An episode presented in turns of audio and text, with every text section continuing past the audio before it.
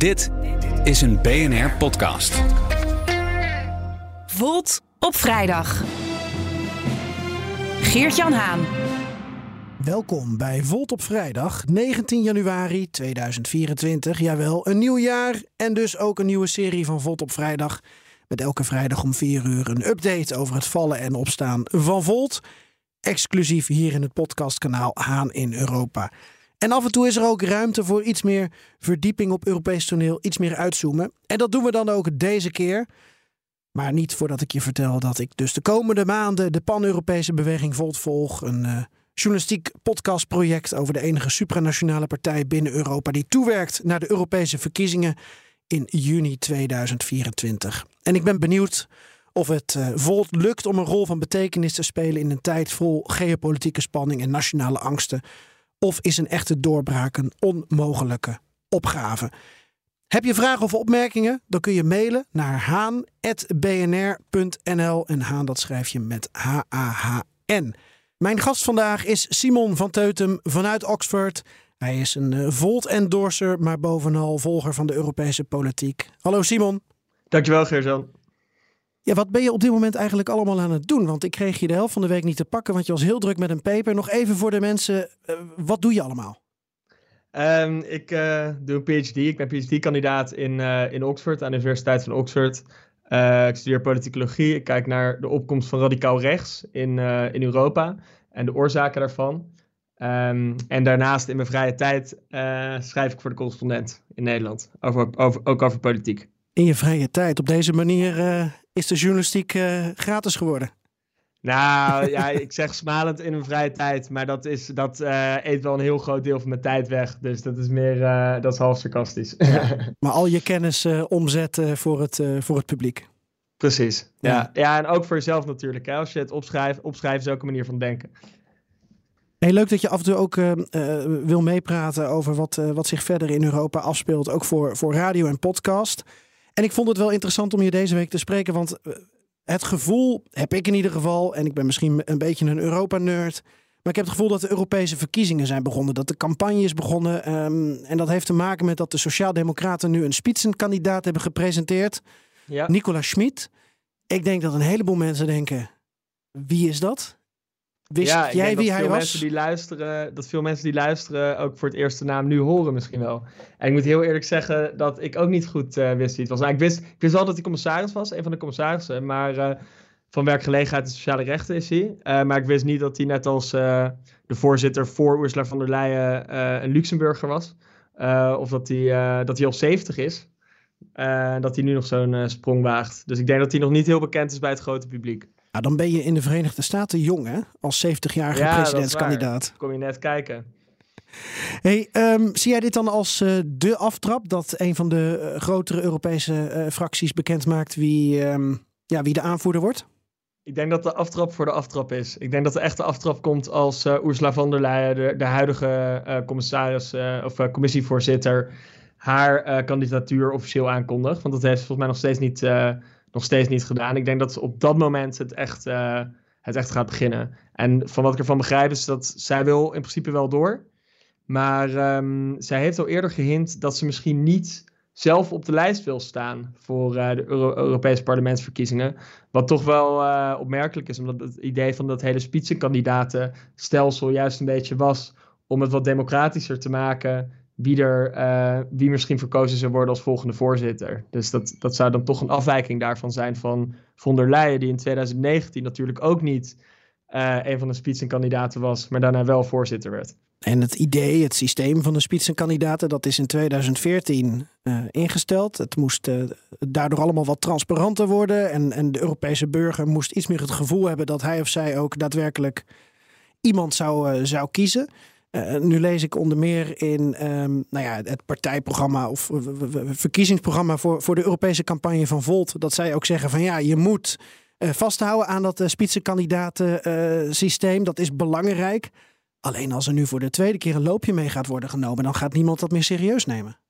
Ja, nu moet ik wel zeggen, het zou deze keer er dan iets anders uitzien. Dus volgens mij is het idee van von der Leyen misschien dat ze niet op de lijst staat, al, zelf als Europarlementariër, maar wel in de media heel erg gepresenteerd wordt als spitsenkandidaat. Wel een beetje have your cake and eat it, uh, om het op zijn uh, Brits te zeggen. Ja. Uh, een beetje alsof je lijsttrekker bent van een campagne in de Tweede Kamerverkiezingen, maar niet op de lijst staat voor de Tweede Kamerverkiezingen.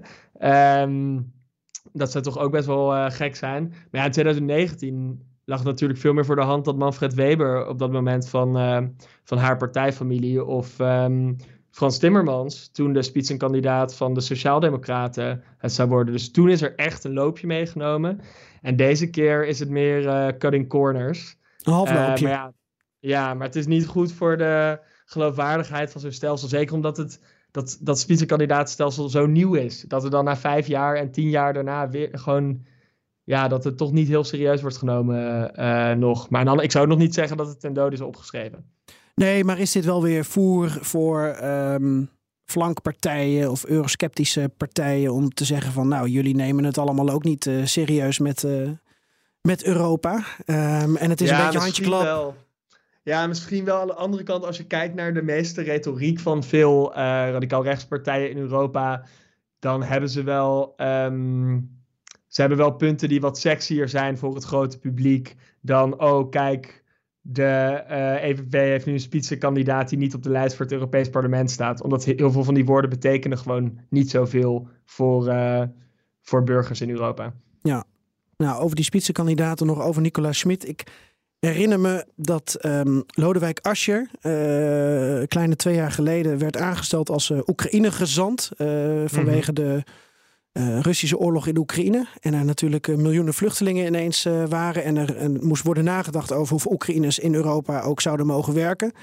En toen is Ascher onder Schmid volgens mij gaan functioneren. En dat is een van de weinige keren dat ik in ieder geval met Schmid te maken heb gehad. En zijn naam zag opduiken.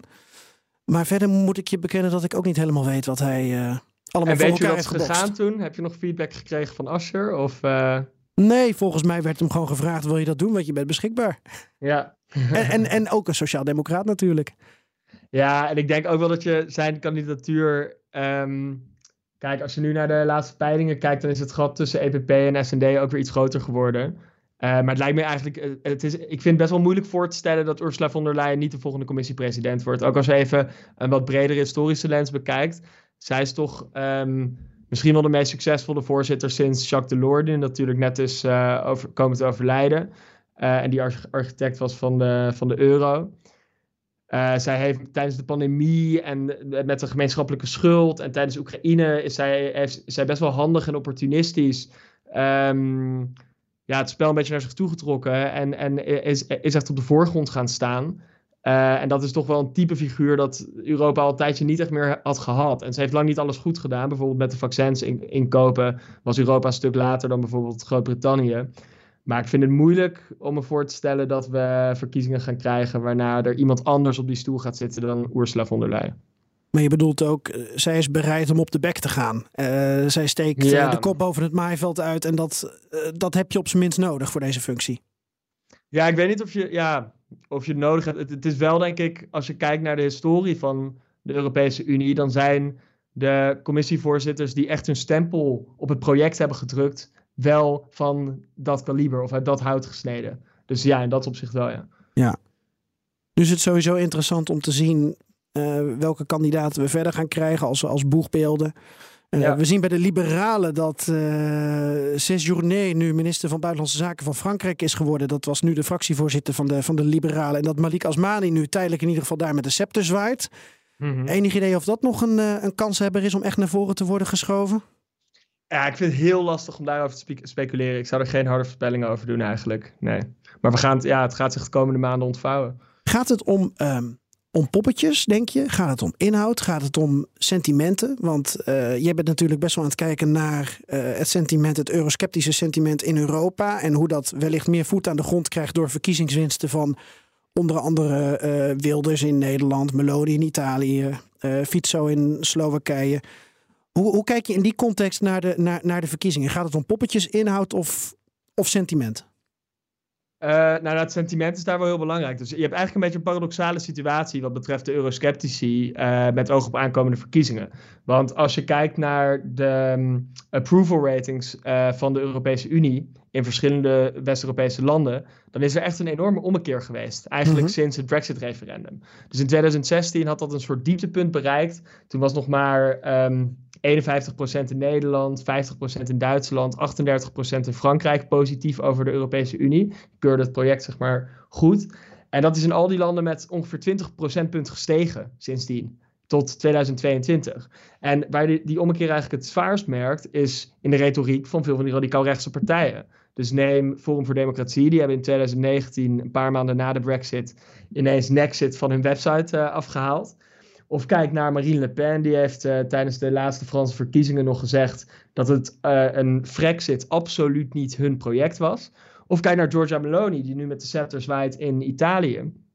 En die in haar, aller, in haar inaugurale reden aan het Italiaanse parlement in één keer vertelde dat um, de Europese Unie de plek was waar Italië het best haar stem kan laten horen. Terwijl een paar jaar daarvoor moest de EU nog worden opgegeven volgens haar. Dus dat is wel opvallend, dat er best wel fundamentele draai zit in, oké, willen we het opheffen of willen we het van binnenuit uh, verbeteren? Maar tegelijkertijd, veel, ik denk dat veel van de achterban van die partijen nog wel een soort van stem wil laten horen van het gaat allemaal te snel, er moet minder gebeuren. En dat sentiment dat zal aankomende verkiezingen waarschijnlijk groter worden dan in de verkiezingen hiervoor. Nu is er binnen die stroming wel bij de Europese parlementsverkiezingen een hele belangrijke tweedeling. Namelijk um, die tussen de European Conservatives and Reformists en die tussen de Identity and Democracy Group. Uh, dus die radicaal rechtse groepen die zijn eigenlijk in twee clubs verdeeld.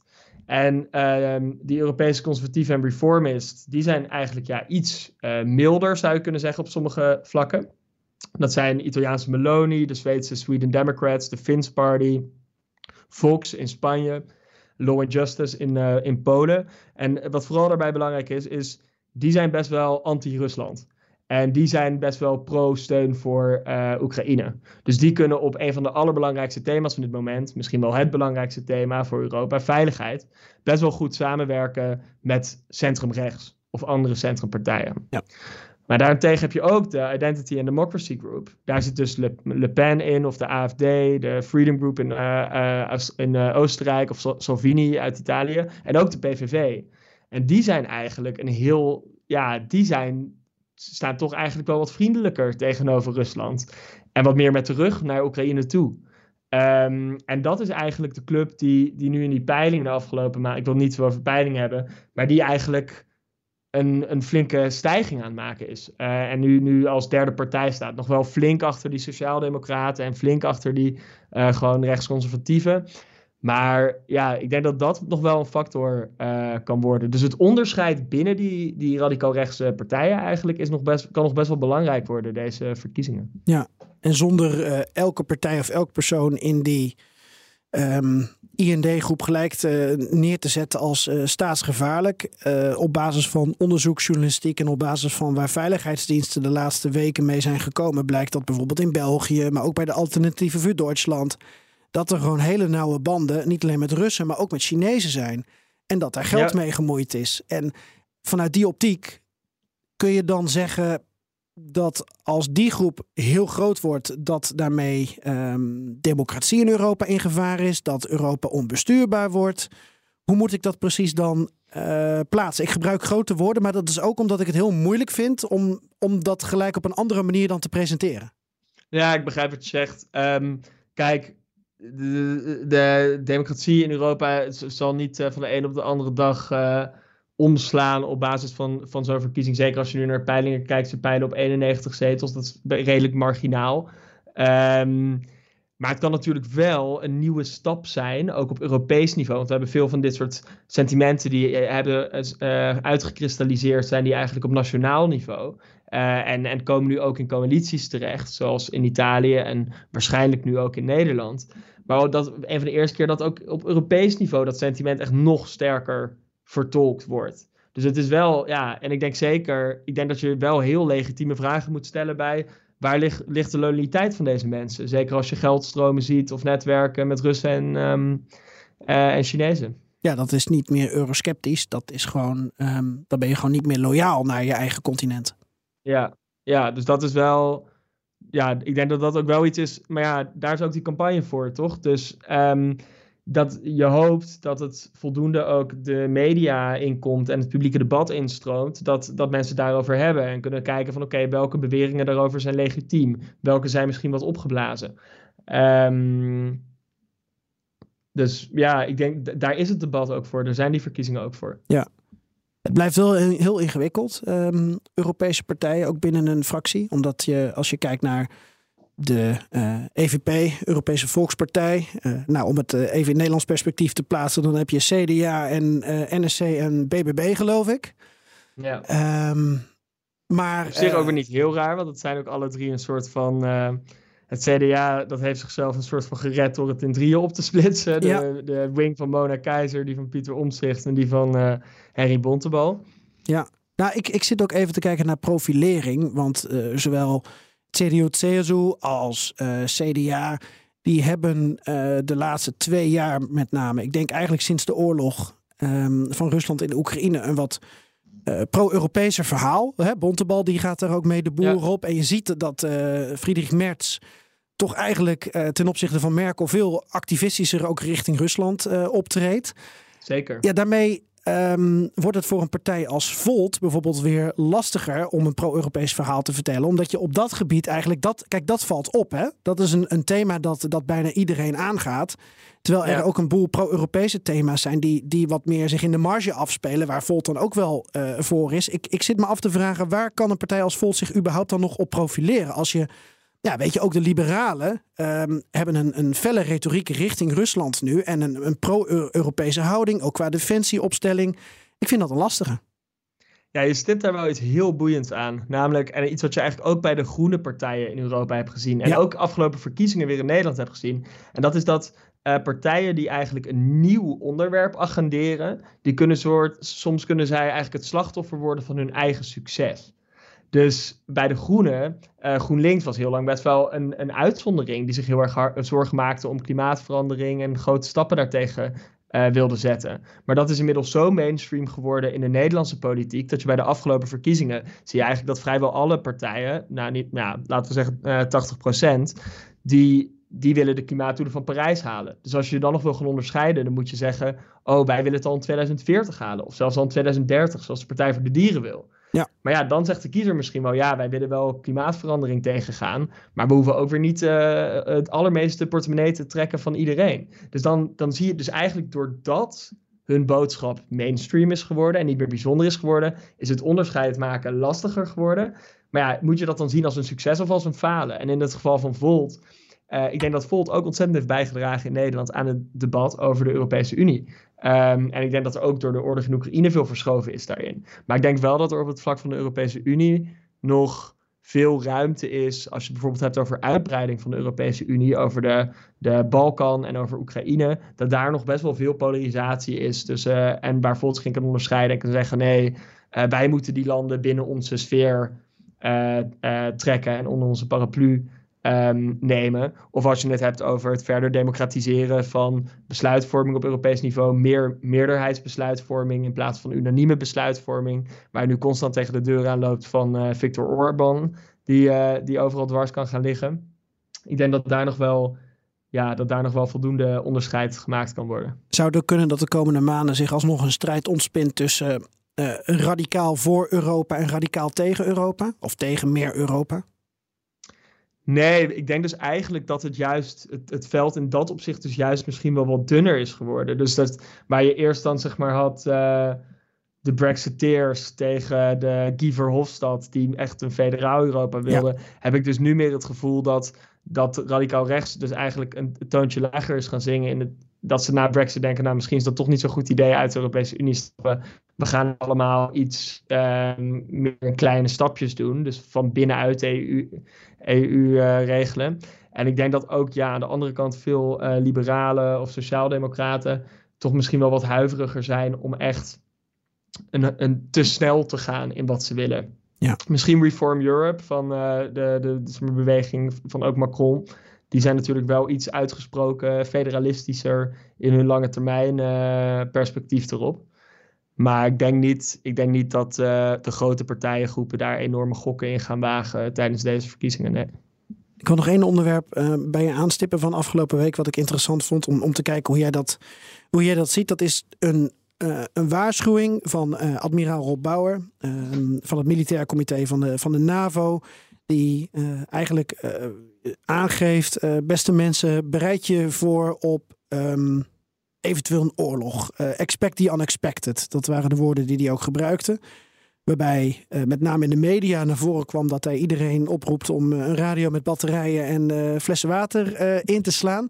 Ik denk dat de media dat dan ook wel heel gretig oppikt en dan voorbij gaat aan de rest van de, van de boodschap.